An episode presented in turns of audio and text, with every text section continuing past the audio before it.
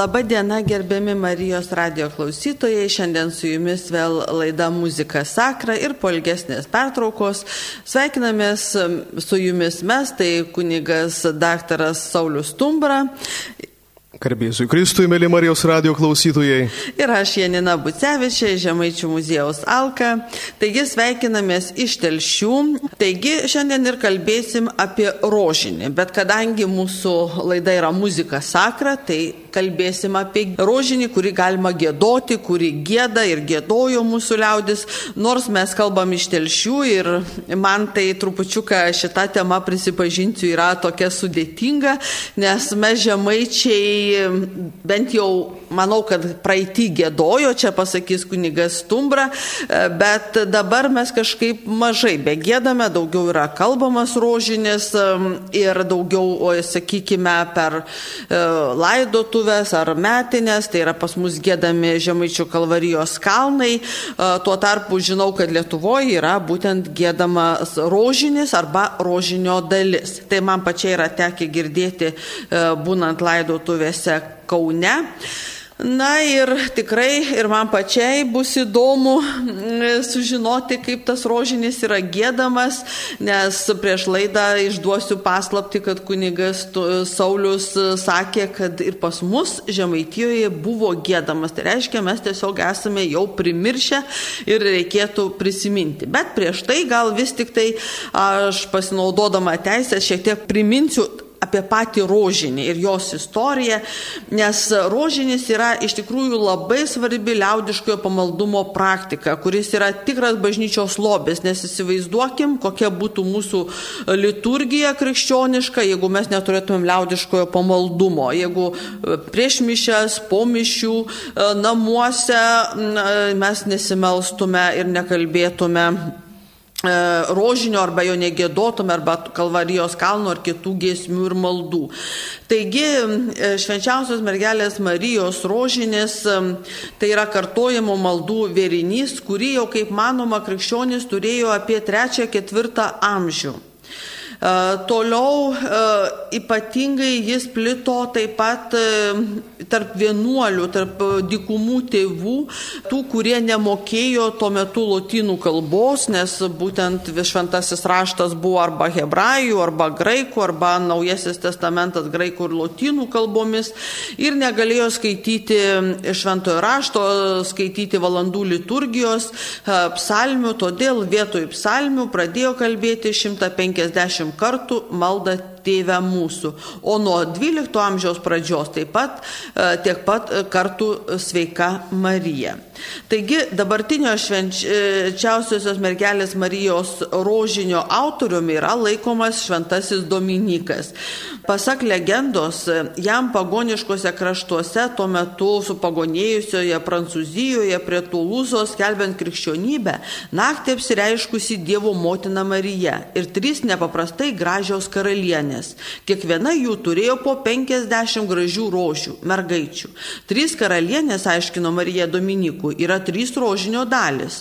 Kiekvienos karalienės 50 rožių, tai 50 sveika Marija. Baltoji karalienė reiškia džiaugsmingąją rožinio dalį, raudonoji supulingąją, o auksinė garbingąją. Šios trys dalis tai mano sunaus prasidėjimo, gimimo, kentėjimo ir prisikėlimo paslaptis. Vesk šią maldą visur. Tuomet suklydusieji susipras ir grįž prie Dievo. Taigi 1208 metais šventasis Dominikas pradėjo skelbti švento rožinio maldą ir ši maldos forma paplito visame pasaulyje. Tiesa, reikia pasakyti, kad jinai buvo tobulinama 14-15 amžiaus sandoroje, prie to labai daug prisidėjo prancūzų kartūzų vienuolis Adolfas Esenietis bei dominikonas Alainas Dela Roche. O netrukus galutinę pamaldumo formą sukūrė dominikonas Alberto de Castelio. Ji tapo visų tikinčiųjų liaudės malda. Iš Prancūzijos jinai pasiekė Vokietiją, Lenkiją ir aišku mūsų Lietuvą bei mūsų Žemaitiją. Nes ir pas mus buvo dominikonų, arčiausiai telšių be abejo Žemaičių kalvarija. E, taigi, Gėdamojo rožinio apeiga 1622 metais įvedė Dominikonų kapitulą Milane. Milano pavyzdžių tais pačiais metais pasiekė ir Krokuvos domininkonai. Lietuvoje be abejonės gėdamasis rožinis pirmiausiai suskambo domininkonų bažnyčiose. Liaudės pamėgtas greitai paplito po visą Lietuvą ir Žemaityje. Žmonės išmokė gėdoti bažnyčiose, perkelė šią maldingumo formą į savo namus. Marija garbindavo, kalbėdami ir gėdodami rožinį tiek kelionėse, tiek namuose, tiek skausmo valandom, tiek džiaugsmo. Taigi, tai būtų tiek trumpai, kunigė Sauliau, apie e, rožinį, o dabar vis tik tai va tas gėdamasis rožinis. Gaila, bet pas mus žemaitijoje nebegėdama. Bet jūs sakėt, kad gėdodavo. Ir... Žinot, galbūt pradėsiu šiek tiek nuo tolėliau, grįžtant prie jūsų užduoto klausimo. Mes labai dažnai galbūt savo tokioj tikėjimo kelionėje, kaip centrą dažnai matom šventasias mišes. Atrodo, be kurių mes negalim, iš tiesų mes negalim be jų gyventi, nes tai yra centras visų tikėjimų. Bet pagalvokim, kiek kelių veda į tas šventasias mišes. Tai ir jūsų paminėti Kalvarijos kalnai, tai ir kryžiaus keliai, įvairiausi vainikėliai, atsidusėjimai, privačios maldos. Lygiai taip pat ir rožančius, ar tai gėdamas ar kalbamas. Tai yra takeliai, kurie mus iš tų namų bažnyčių iš asmeninių maldų praktikų, kurias atliekam ar bendruomenė, ar asmeniškai dažniausiai, ypatingai, ypatingai kalbamas rožinis, būna ir asmeninė labai dažnai malda, meditacinė netgi malda, bet tai tarsi ta keliai, kurie mus suveda į tą bendruomenės išgyvenimą iš šventasias mišes. Tai iš tiesų ta jūsų pastaba pasakyta apie tai, kad liaudiškasis pamaldumas, jo praktikos, tiek gėdamosios, tiek kalbamosios, yra tas lobis, kuris iš tiesų yra pripildęs mūsų kultūrą neįkainojimų lobių ir paminklų. Tai yra šimtaprocentinė tiesa. Užsiminėt apie tai, kad domininkonai šią tradiciją atgabeno į Lietuvą. Na, dominikonai bendrai mes žinom iš praktikos ir iš, ir iš istorijos, kad jie yra ypatingai atsidėję Dievo motinos kultui. Turbūt, nes ne veltui ši tradicija gėdamoji ir gimė būtent jų vienuolynuose. O kas buvo vienuolynai? Tai juk ta institucija arba tie keliai, kuriais keliavo ne tik mokykla, ligoninė, bet ir naujos maldingumo praktikos. Taigi mes žemaičiai tikrai galim turbūt savotiškai džiaugtis, kad jie turėjo didžiulį centrą žemaičių kalvarijoje ir aš beveik galiu garantuoti, kad tikrai buvo rožančius ten gėdamas. Dar man pačiam teko būti klierikų mažaikiuose ir aš labai gerai pamenu, kaip po votyvos susėsdavo apačioj, tai vadinamam beveik bobinčiui, žmonės ir gėdodavo gėdamai rožančių kiekvieną sekmadienį. Tiesa dabar nežinau, ar dabar yra gėdama, bet manau, žemaitijai tikrai yra dar ne viena parapija, kur ta tradicija, jei seniai gėdorė neišmirė, jinai gali būti gyva. Apie tą pačią gėdojimo tradiciją, jinai labai liaudiška. Labai liaudiška. Netgi tas pats principas galioja palei gėdojimą. Vyrai, moteris. Vyrai, moteris. Pakaitom, pakaitom. Vienas kitą antifoniškai papildydami. Posmą pradeda vyrai, antrą dalį tęsia moteris. Kas yra labai vat, įdomu galbūt mums žemaičiams, kai mes kartais prie kalnų pripratę, kai ir triubos pritarė triukšmingai, tai šioje gėdojimo praktikoje muzikinių pritarimų niekur nėra užfiksuota. Bet aš čia galbūt labiau dabar apie Žemaitijos kraštą užsiminiau, bet drįstu Marijos radio klausytojai prisipažinti ir aš, jog šitą maldingumo praktiką ir man savotiškai yra šiandien kalbėti kaip iššūkis, nes gilios patirties kaip ją atlikti ir kaip joje dalyvauti, aš lygiai taip pat neturiu.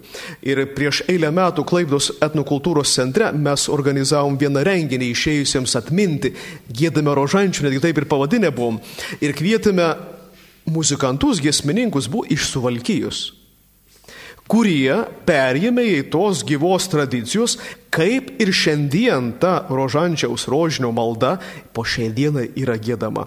Tik aišku, jie liudijo ne apie bendruomeninį gėdojimą, jie liudijo ne apie parapijinį gėdojimą rožandžiaus maldos, jie liudijo apie tai, kad jų kraštuose, o tai yra fadiškai ir pietvakarių Lietuva, ir pietų Lietuva, daugiau ta maldingumo praktika atliekama laidutuvėse, šermenyse.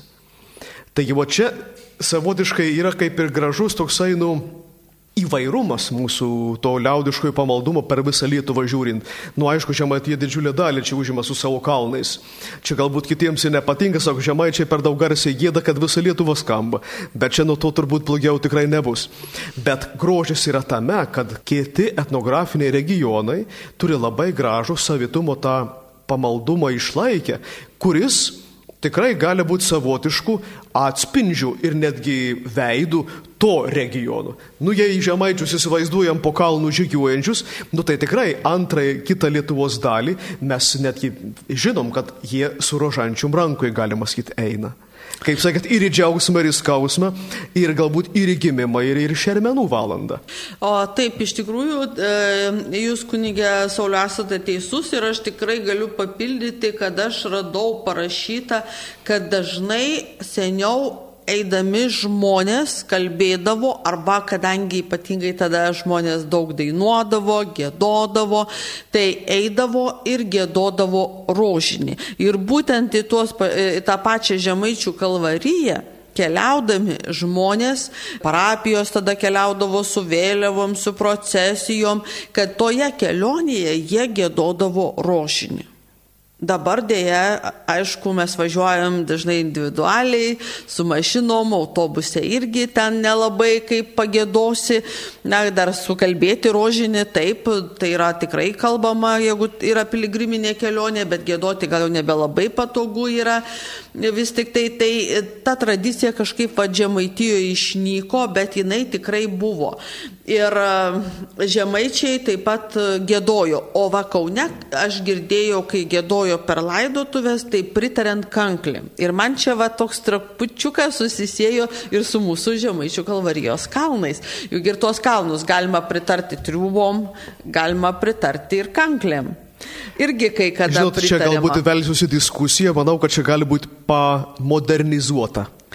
Man atrodo, gali būti pamodernizuota. E, Kunikė Sauliau, pritariu, bet tai ir yra liaudės pamaldumas. Taip, kadangi jisai yra netaip griežtai reguliuojamas, tai sakysim, jeigu tą valandą, sakysim, liaudės išgyvena, padikim, širdies troškimą pritarti muzikinių instrumentų, tikrai čia nieko nepakeičia, juk, juk turinys nenukentėjo. Taip, ir liaudės pamaldumas ir yra kuo ypatingas, kad jis yra labai gyvas, banguojantis ir kaip mes kalbėjom apie Žemaičių kalvarijos kalnus, apie kuriuos mes geriausiai žinom taip, taip. kaip žemaičiai, bet aš įsivaizduoju, kad tas pats yra su rožiniu gėdamu, kad, kaip jūs sakėt, kiekviena parapija ir netgi stiprus kaimas turėjo netgi šiek tiek skirtingą melodiją taip, taip. nuo kito.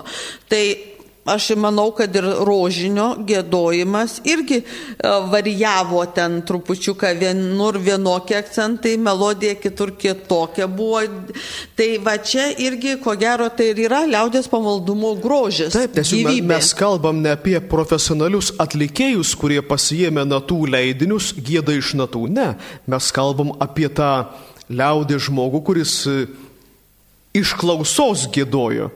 Ir tas melodijas ne iš vadovėlių perėmė, ne iš įrašų, bet perėmė iš savo tėvų, iš kaimo gėdorių.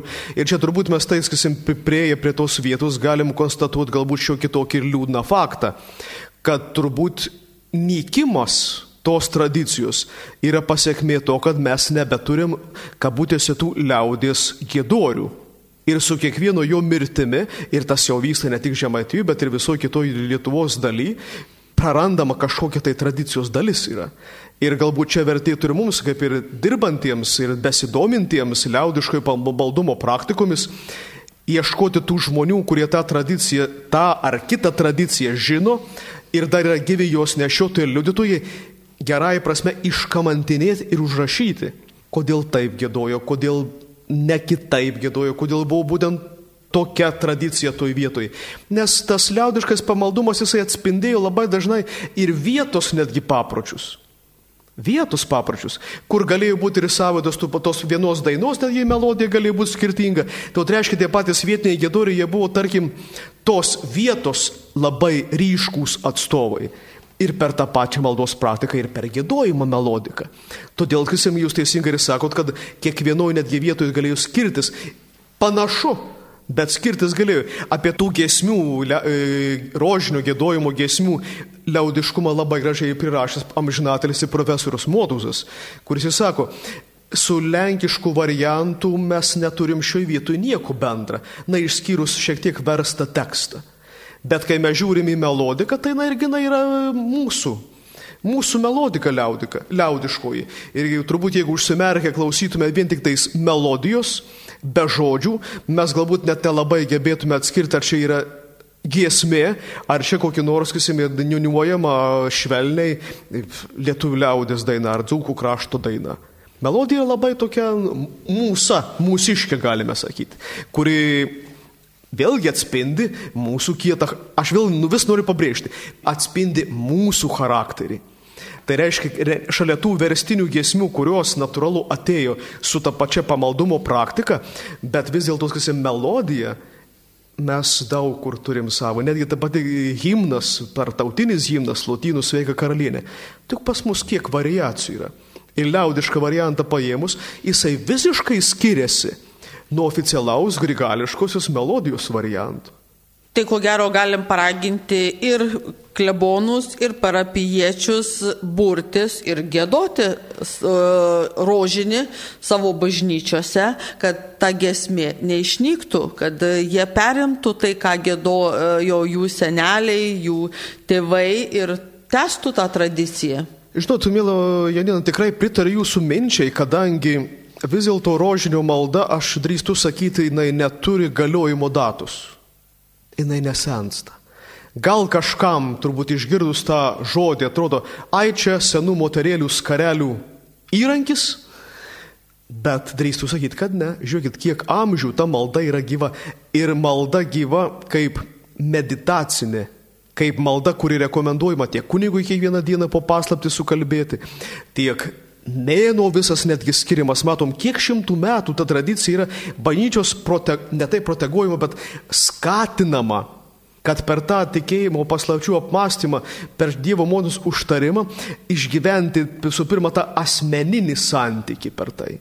Nes tai vėlgi, sakysim, kur Marija yra, jinai rodiklė jinai rodo į centrą, kas aš neveldu tą mintį daviau, kad visos liaudiškojo pavalno praktikos, jos yra tarsi keleliai, kurie veda link sekmadienio šventų mišių.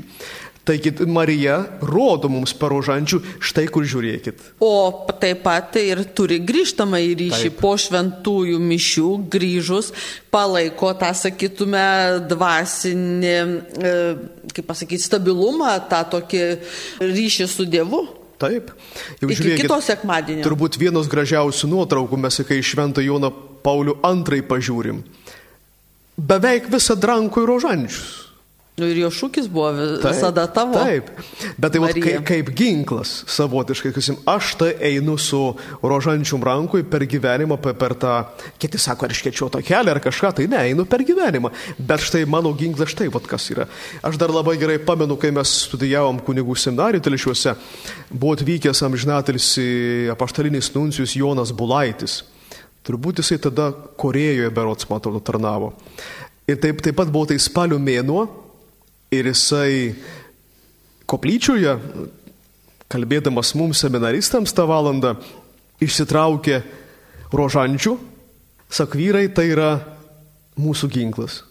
Sak, o matot kryželį pietų rožančios prikabintą, o tai yra raktas nurojaus vartų.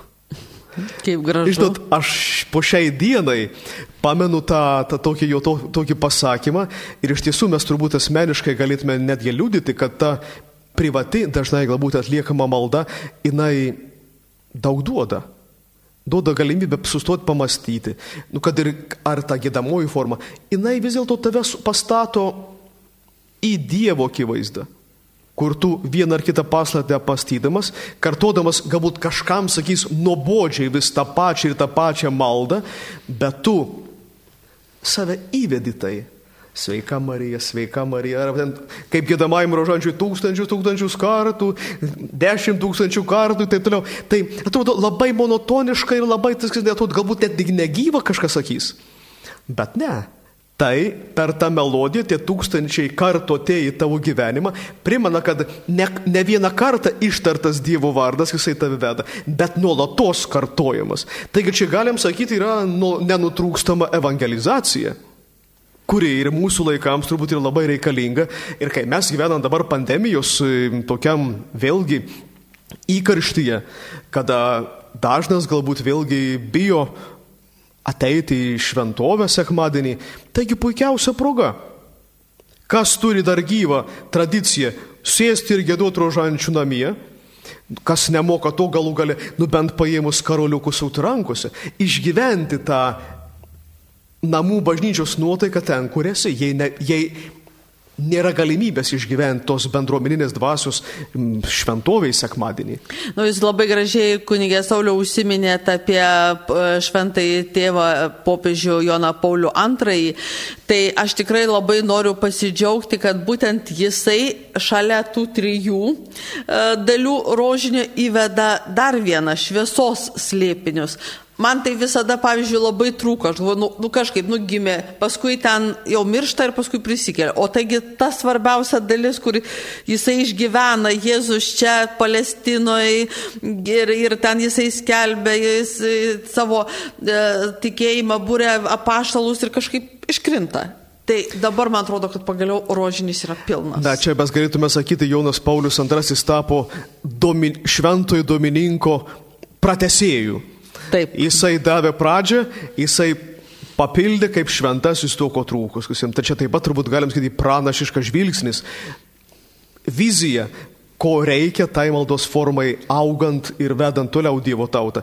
Tik aišku, vėlgi grįžtant prie mūsų liaudiškojo pamaldumo praktikos, prie gėdamo ir užandžiaus.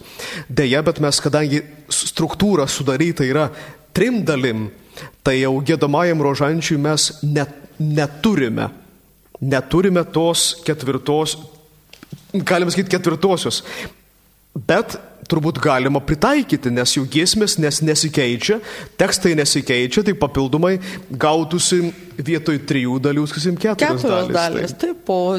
O, tai, o čia įdomus klausimas. Reikės kažkada pasiteirauti pietvakarių ir pietų Lietuvos dalyje dirbančių kunigų, ar gėda tą papildomą dalį ar ne gėdamajam rožančiui. Čia įdomu. Mums, Miljanilai, yra įdomu, kadangi mes tos patirties neturime. Taip, taip dėja. Ir čia galbūt ne vienas Marijos radio klausytojas dabar klausydamasis sakys, na štai atsisėdo du žiopliukai ir mus bando pamokyti. Mes tai žinom, kaip yra, mes tai gėdam. Bet mes džiaugiamės, kad yra Lietuva įvairi ir kad savo tą gėdojimo tradiciją, na, sakykime, padaro Lietuvą labai gražią. Skirtinga, bet labai gražią. Nu, jeigu net išdidų žemaičiai pripažįsta, kad nemoka gėdoti gėdamojo rožinio, tai jau manau, kad lietuviai turi būti labai pamaloninti. Matot, net kalba apie rožančių šypseną sukelia. Tai reiškia yra labai gerai, tai reiškia tai nėra liūdna malda, tai yra nuotaikinga, įvedanti į santykių su viešpačiu malda. Taip, per Mariją, kuri yra visų mūsų motina. O motina visada yra svarbi. Tiem, kurie nebeturi jau jos, o kurie turi, nu, dvi mamos visada geriau nei viena. Tai tiesa. O dar reikėtų pasakyti, ypatingai čia žemaičiam, kurie vat, neturi tos tradicijos, jau nebeturi, jau sakant, to galbūt kažkas ir gėda ir tai yra labai nuostabu ir manau, kad galbūt žemaičiai išgirdę ir lietuviai, kurie nebegėda, išgirdę šią mūsų laidą pradės gėdoti, bet reikia pasakyti, kad skirtingai nuo kalbamojo rožinio dar yra taip pat ir giesmės. Tai yra giesmės pavyzdžiui, žangos giesmė, sveika aušrinė žvaigždelė ir sveika karalienė. Taip pat e, yra ir pabaigos giesmės, pavyzdžiui, Marija tautė bus garbė arba mergelė nekalčiausioji. Taigi dar šalia tos griežtos, sakytume, rožinio struktūros, dar yra ir papildomai giesmių, taip pat gali būti dar gėdamos ir, sakykime, giesmė šventajam Juozapui, kaip e, švenčiausios mergelės Marijos e, vyrui, kaip sakytume, globėjui Jėzaus. Taigi, e, dar yra ir tų giesmių. Ką tom giesmėm norima pasakyti? Na, visų pirma, jūs užsiminėte apie labai seną giesmę, kurie ateina iš netgi iš Prancūzijos kliūny vienuolyno. Tai ta pirmoji švent sveika užros žvaigždė šviesi. Žinot, man labai miela pasakyti, kad tą giesmę redagavo kunigas Jonas Paliukas, kuris ilsisi Tverų parapijos šventoriui. Kuris prisidėjęs prie mūsų dabartinių maldynų literatūrinio teksto sutvarkymo kartu su kunigu amžinadaris Petru Palšiu. Jie labai daug prie to prisidėję yra. Tai vat, jam teko tą garbė, tą giesmę, pavadinkim, sulietuvinti. Tai vat, tą tekstą, kurį mes šiandien Lietuvoje gėdame, tai yra jo rankos darbas. O ta giesmė, kaip minėjau, atkeliavus yra iš Prancūzijos šeškliūny vienuolyno, Lenkai ją maždaug išsivirtė apie 17 amžių, na ir natūraliai, kas jam vėliau jin atkeliavo atkeliavo link, link, link, link, link Lietuvos. Ir kas yra mums labai įdomu, kad ji yra artima giesmės iš kalnų vienai melodikai. Broliai atminkim, ką Jėzus kentėjo. Labai panašiai yra, skisimo ši melodija, labai panaši. Pakėtokit. Kadangi variantų gali būti skirtingų, aš bijau, kad man pasakiau, Lietuvos žmonės sukritikuos. Bet ką noriu pabrėžti? Yra panašumai. Reiškia, tai vėl dar kartą paliūdės, kasim, ant kiek tos melodijos yra užaugusios čia vietoje. Nes jeigu mes žvelgsim jau tarkim tolin, kur per visą rožančių keliauja tos, tos, melo, tos maldos giesmės tūkstančius, tūkstančius kartų, tai jau mes ten randam ne tiek liaudiškąją melodiją, bet jau jos pati struktūra ir atlikimas jau yra labiau toksai linkis link grigališkųjų choralų atlikimo. Tai reiškia, jau nėra, to, yra pla, plaukiamas, kasim atlikimas, yra kit, kitoks, nepalyginsi su mūsų liaudiškųjų gėdojimu. Ir bendrai žvelgiant tolyn, Jūsų paminėtos kitos giesmės - Marija tautė bus garbė ar Marija ne, mergelė nekalčiausiai. Deja, bet mes nerandam e, mūsų šaltiniuose kas galėtų būti tų giesmių autoriai. Dėl to čia negalima nei, nei teikti, kad čia būtų ar Lenkų skolinys, ar čia būtų iš kitų kalbų versta, o gal čia yra paprasčiausiai ir, mūsų, ir mūsų pačių. Ir mūsų pačių kūryba. Tarp kitko, kai man teko rašyti magistrinį darbą apie, žemaič, apie šermenų apėgas Telšių viskupijoje, darant ekspediciją Tauragės krašte, Tauragė, Batakėjai ir Berots Kaudvilė, trys parapijos buvo apklaustos. Įdomus dalykas, kad prie Žemaičių kalvarijos kalnų ten vietiniai gėdoriai gėda vieną iš baigiamųjų giesmių, būtent jūsų, mūsų paminėta sveika aušinė žvaigždelė. Matot, vat, kodėl paminėjau aš būtent tą faktą. Taigi ten jau beveik riba. Nemakščiai, baigėsi Žemaičių vis, telšių viskupija, prasideda Kauno arkiviskupija. Tarsi riba, kur jau rožinio gėdojimo tradicija, kalbėjimo tradicija jungiasi ir, ir kalnų riba. Bet štai jau susimaišymo šiokio tokio jau galima atrasti. Tai yra labai įdomus, ir vėl aš vedu prie to. Reiškia, va ta liaudiškoji forma, gėdojimo, liaudiško pamaldumo praktikų forma. Jis yra gyva, Nors mes turim tą užfiksuotą maldynuose, kaip tvarka, kaip turbūt atliekama ar kažką, tai ir tie gesmininkai galbūt perduoda tą tvarką vieni kitiems. Bet ta giesmė gyvena savo tradiciją. Ir aš nenustepčiau, kad, kad ta, ta būtent mano paminėtas faktas labai galėjo taip įvykti. Atvažiavo žmogus gyventi į tą žemaitijos pakraštį labiau kažkur nuo raseinių ir jisai atsivežė savo melodiką. Kalnus jisai priėmė, jis jam labai gražiai ir išmoko gėduoti, bet kaip savo tokį palikimą galbūt, kaip, kaip nu, savo turtą prie tų pasirenkamų laisvųjų gesmių, papildomų gesmių, kaip tradicija prigijo per ilgą laiką būtent rožančiaus viena iš įvedamųjų gesmių. Tai ženklas, ant kiek tai yra gražu, gyvybinga ir Vėl drįstu sakyti, turinti ateitį pamaldumo praktiką. Bet čia vėlgi žiūrint pastoraciškai, vertėtų galbūt vėl iš naujo atrasti tai, kas yra lobis. Ir mes turbūt, mėly Janina ir mėly Marijos radijo klausytojai, kiek kartų kalbam, kokią liaudiškojo pamaldumo praktiką be paėmę, mes vis galim dėti lygybę ženklą, sakydami, tai yra lobis. Tai yra lobis. Ir niekart nesuklyzdami, kodėl? Nes tai yra laiko pabandyta, laiko išbandyta ir patvirtinta, kad tai yra veiksminga maldos praktika.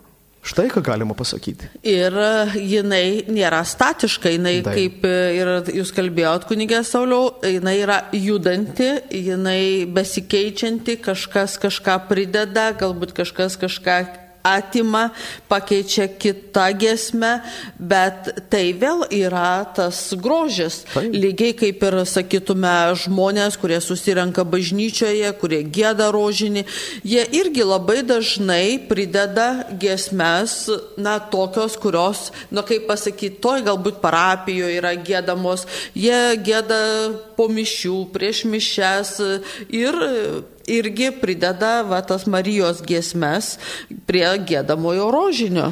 Čia vat, mes įsivėlėm šiek tiek galbūt į dar vieną potėmę apie giesmės mergeliai Marijai. Žinot, taip, vat, tarkim tau kaip žinovui kartais atrodo, aha, ne taip yra, čia turėjo būti taip. Pažiūrėjau, jeigu aš jums užduočiau klausimą štai tokį. Kodėl beveik visoje Lietuvoje, turbūt visoje Lietuvoje darytų sakyti, šermenyse atsirado giesmė Marija Marija. Todėl, kad bažnyčioje gėdojo. Todėl, kad tai yra Maironio giesmė. Taip, liaudis turbūt net nežinot nežino, kad tai yra autorinė ir profesionali giesmė. Naujalis Taip, sukūrė, bet žinot- jis taip, prie ko aš noriu privesti? kad prie dušios. Prie dušios taip, bet ir ilgus metus jos nebuvo palei tradiciją šermenų, šermenyse. O dabar jie gėda ir Vilniuje, ir Kaunė, aš esu jau pats, pats tą girdėjęs. Ir pas mus gėda. Žinot, ką aš noriu atrasti, kodėl? Sąjūdis. Teisingai? Ant barikadų skambėjo Marija Marija. Taip. Ir tai tapo beveik vienu iš sąjūdžio laikų ženklų, kada gėdojo visa liaudis. Ir čia labai paprasta vėl yra, kaip liaudiš, į liaudiškai pamaldumą ateina tai, kas yra žinoma ir suprantama. Žinom visi ir vot, ką mokam, tą gėdam. Čia aš patęs jūsų mintį, kad sakot, kiekviena parapija galėjo turėti savitą giesmių repertuarą, kur gėdodavo. Tai yra atsakymas į tai, kad mes paimam tai, ką mokam, tai, ką žinom. Galbūt, pasakykim, galbūt tai, ką lengviau yra. Nes nereikia mokytis iš naujo. Bet Visi gali gėdoti. Taip, taip, taip, taip. Ir tas, aišku, sukuria labai puikų bendruomeniškumo jausmą, kada, kada tikrai už dušios griebė, kada užgėda didžiulis būrys. Ar tai šermenyse, ar laidotuvėse, ar ta pačiu bažnyčiu užgėdojus Marija Marija. Realiai sakom, niekam beveik žodžių nereikia. Visi tekstą moka. Bet čia galbūt kartais man kartai Žemaičių kalvarijoje man klausantis, kaip ir perbėga per širdį. Kadangi nu šimtus metų baigiamoji giesmė užbaigų Žemaičių kalvarijos kalnus, aš neku apie procesinius kalnus ir pareijus iš į baziliką jau po palaiminimo Šventojo kryžiaus relikviją, šimtus metų buvo gėdama Marijos vardas. Šiandien ta tradicija šiek tiek kaip ir apnykusi, bet manau, kad mes dėsim pastangas, kadangi kalnai įrašyti nematerialaus pavaldo savodą, kad atgaivinti tą tradiciją, nes ta ir gesmė unikali, parašyta būtent Žemaičių kalvarijos šventoviai ir verta, kad skambėtų tuose didingose skliautuose. Gal ištrauką galit pagėdoti dabar, kunigė Sauliau? Visos nepagėdosiu, kadangi melodija pakankamai yra aukšta, o šiandien šiek tiek prikimės, bet Marijos vardas, dieviška šventovė. Aš galbūt geriau paniuniuosiu, bus lengviau nežodžiam, pam. Tai rai, rai, rai, rai, rai, rai, rai, rai, rai. Kiliniajam vardui garbę atiduokit, kuo nuoširdžiausias giesmelės gėdokit. Bet skamba jinai žemaičių kalvarijo, žinau, man tai skamba. per dušę. Nuostabiai eina pagaugę per dušę. O jei kai dar gėda liaudiškai, taip iš dušių su geru paturavojimu, tai patikėkit, kokie giesmė. Dar jeigu triubos O, tai- varinės tai- pritarė. Tai, tai va, šioje vietoje, kadangi skasim užsiminiau apie Mariją Mariją, va, kartais tai labai limpa, bet kartais gali ir šimtą metę tradiciją, pavadinkim, nu, sugriauti dėl to, kad galbūt pamiršom ar melodiją, ar žodžių mintį tai nemokam. Bet tai vėlgi paliūdė mūsų šiandien rutuliojimą mintį, kad tas liaudiškas pamaldumas yra nu, labai gyvas. O tai yra džiugu. Bet mes turbūt turėtume perėti dar į vieną potėmę, prisiminti, kad rožančius gėdamasis, jisai turi dar vieną formą. Tai yra švenčiausio Jėzaus vardo rožančius, kuris, aišku, mūsų kraštuose yra beveik nežinomas, bet dėl teisingumo verta paminėti. apie kunigė. Sauliau papasakokit, nes gėdama į Marijos rožinį man teko girdėti. Ir kaip jūs sakot, bažnyčioje dar kažkada, dabar aš taip galvoju, kaip per miglą prisimenu, kad ir mūsų katedroje gėdodavo. Bet kad gėdotų Jėzaus vardos, Patikėkit, prisipažįstu visai Lietuvai, nežinojau. Prisipažįstu ir aš negirdėjau. Bet tai yra taip pat pietų Lietuvos, pietvakarių Lietuvos ir rytų aukštaitijos pamaldumo praktika, kuri būtent yra jau šermenų praktika. Tai kaip mūsų žemaičių kalvarijos kalnai. Galėtume sakyti ir taip, jei pas mus gėdami kalnai, tai tose vietose labai populiarus yra būtent švenčiausio Jėzaus vardo rožančius, rožinis. Čia ir vėlgi, kadangi malda rožinio, spėkit, kas pradininkai. Tai gal vėl Vėlgi Dominikas? Ne, tiek toli gal nesiekia, bet domininkonai. O. Ir aprašymo tos maldos mes randam atsivertę vieną labai nuostabią maldaknygę. Tai yra Domininkono Jurjo Kasakovskio vienas 1681 metų, kur netgi užrašyta yra rožančių švenčiausios Marijos panos ir saldžiausią vardą Jėzusą, taipogis pasabas apvaikščiojimą kalnų kalvarijos žemaičių su modlitvomis ir giesmėmis ant to slūžijonsiomis. Čia maldynų pavadinimas. Matot, ir gėdamasis mergelės Marijos rožančius, ir Jėzaus vardo rožančius, ir kalnai vienoj knygeliai. Tai galėdavo, tai iš, galėdavo vaikščioti arba kalnus, arba gėda, duodami rožinį. Va čia va labai va įdomu. Tradicija tokia, bet trys, trys maldingumo praktikos vienoj maldaknygiai sudėtus. Įdomu. Arba keliaujant į Žemaičių kalvariją. Gali būti ir taip pat. Ir čia šioje vietoje vėlgi, vėlgi, jeigu šiek tiek apie muziką kalbant, tai žymus mūsų tautos religinės muzikos žinovas kunigas Kazimiras Senkus, jisai mano, kad ši maldos praktika neturi taip pat požymio, kad būtų panaši į lenkišką melodiką, bet labiau yra panaši mūsų variantą į grigališkoji choralai, tiesiog netgi psalmės. Ir ypatingai 150 psalmę. Tai vat, tre, vėlgi kažkoks unikalumas, nes ši tradicija yra atkeliavus į Lietuvą iš Lenkijos, bet ir vėl man vis tas patinka tas pabrėžimas. Bet kitokiu būdu prigijusi. Žodžiu, liaudis savitų charakterį. Taip, liaudis davė savo. Čia turbūt ir galbūt ir, nežinau, čia ką galėtų istorikai pasakyti, bet man atrodo, kad čia kažkoks kartas ir tas lietuviškas charakteris prasiveržia, o galbūt ir labai stipri kultūra. Stipri liaudės dainavimo, liaudiškojo gėdojimo tradicija ir, na, ko gero, mūsų tauta tikrai yra daininga tauta. Ir aišku, būdama daininga, jinai gali gėdoti ir kurti savo melodijas. Taigi matome, kartais bet mes žinot, irgi labai mėgstam save plakti, bet galim sakyti, kad mes labai kūrybingi, turime mūsų visą tautą. Taip, pavaldas yra begalinis, bet mūsų štai vyskupas Telešių Algirdas Jurevičius yra tokią gražią pastabą pasakęs, kuri man kaip sparnuota jau skamba. Vadinam save dainuojančią tautą, o bažnyčiose tylime.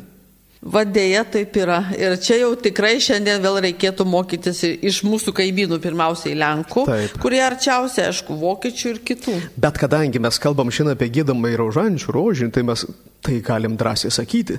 Tai yra viena iš priemonių, jeigu taip galima pavadinti, kuri gali tą bendruomeninį gėdojimą skatinti. Kuri duoda impulsą, štai, vat, netgi duetą išgyventi vyrai, moteris tarp savęs. Tai yra puiku. Bet ir vėl, kas man visada patinka tose liaudiško bamblau praktikose, ypatingai toj gėdotiniai formai, jinai neleidžia tau būti žiūrovu. Jinai tave kviečia būti aktyviu dalyviu. O tai mes galim, kaip sakyti, netgi tą vaizdelį piešti mintyse, kaip susėdė žmonės bažnyčioj, gėda rožančių. Tai jeigu jie tai neknapsu susėdė, jie Taip. gėda, kiekvienas, kuris jau atėjo į tą valandą, jisai gėda. Nors net tas pats, kas jam, jeigu kalbant, partesiant kalba apie švenčiausios Jėzaus vardos rožinis, kas jam susėdus per šermenis. Taigi tavęs nepalieka nuo šaly, tave Taip. kviečia dalyvauti toj maldoj. Arba mergelis Marijos e, rožančius gėdamas tūkstančius, tu esi įtraukiamas į tą, kartuoti tą frazę, kartuoti tą melodiją, būti tuo aktyviu dalyviu ir nu per tai, nepabijokim to pasakyti tą persisemti tuo, ką tu gėdi. Ir artėti prie to paties Dievo, prie jo taip, išgyvenimo. Taip. O tai dabar pasakyk, tu kokios dalis yra gėdamojo, va, to saldžiausio Jėzaus vardo rožinio? Kas ten yra apgėdama? Čia netgi ir nėra dalies, bet yra pati struktūra. Jis prasideda nuo įžangos maldos, dešimt kartų tėvė mūsų malda, dešimt kartų sveika Marija, tikiu Dievo tėvą. Žegnojamasi kiekvienos dalies paslaptys, kreipiniai, atliepai, giesmės, tas pats tūkstančius tūkstančių kartų ir kiekvienos dalies pabaigos kreipiniai ir atliepai yra užbaigiama giesme, malda, o Jėzau menančius tave. Ir aišku, pabaigoji kaip ir įprasta, dažnai šermeninėse peigos yra gėdamas viešpties angelas. Atsivertus maldaknygę, ta struktūra visa yra aprašyta labai gražiai ir manau visi tie, kurie tą praktiką maldingą turi savo parapijose, savo bureliuose, bendruomenėse gyvą, jie tą ir be maldaknygės moka. Čia mums reikėtų kažkada organizuoti žemaičiams ekskursiją Į suvalkyją. į Suvalkyją, į Dzukiją, kad tą maldingumo praktiką, gal taip vadinsiu, nesusipažinti, bet pasigrožėti. Ir išmokti, o gal išmokti. arba pasikviesti. Arba pamokytų. pakviesti, kad atvažiuotų į žemaitį ir pamokytų bus. Nes mes jau tiek tais kalnais besididžiuodami, kažką esam ir primiršę pasirodo. Bet už tai išsaugoja lietuviai. Taigi, kągi, laikas mūsų senka, čia laida muzika sakra ir šiandien mes kalbėjome apie rožinį ir ypatingai, žinoma, kadangi laida muzika sakra, apie gėdamą rožinį švenčiausiai mergeliai Marijai, o kaip pasirodo, yra ir švenčiausiai Jėzaus vardo rožinis.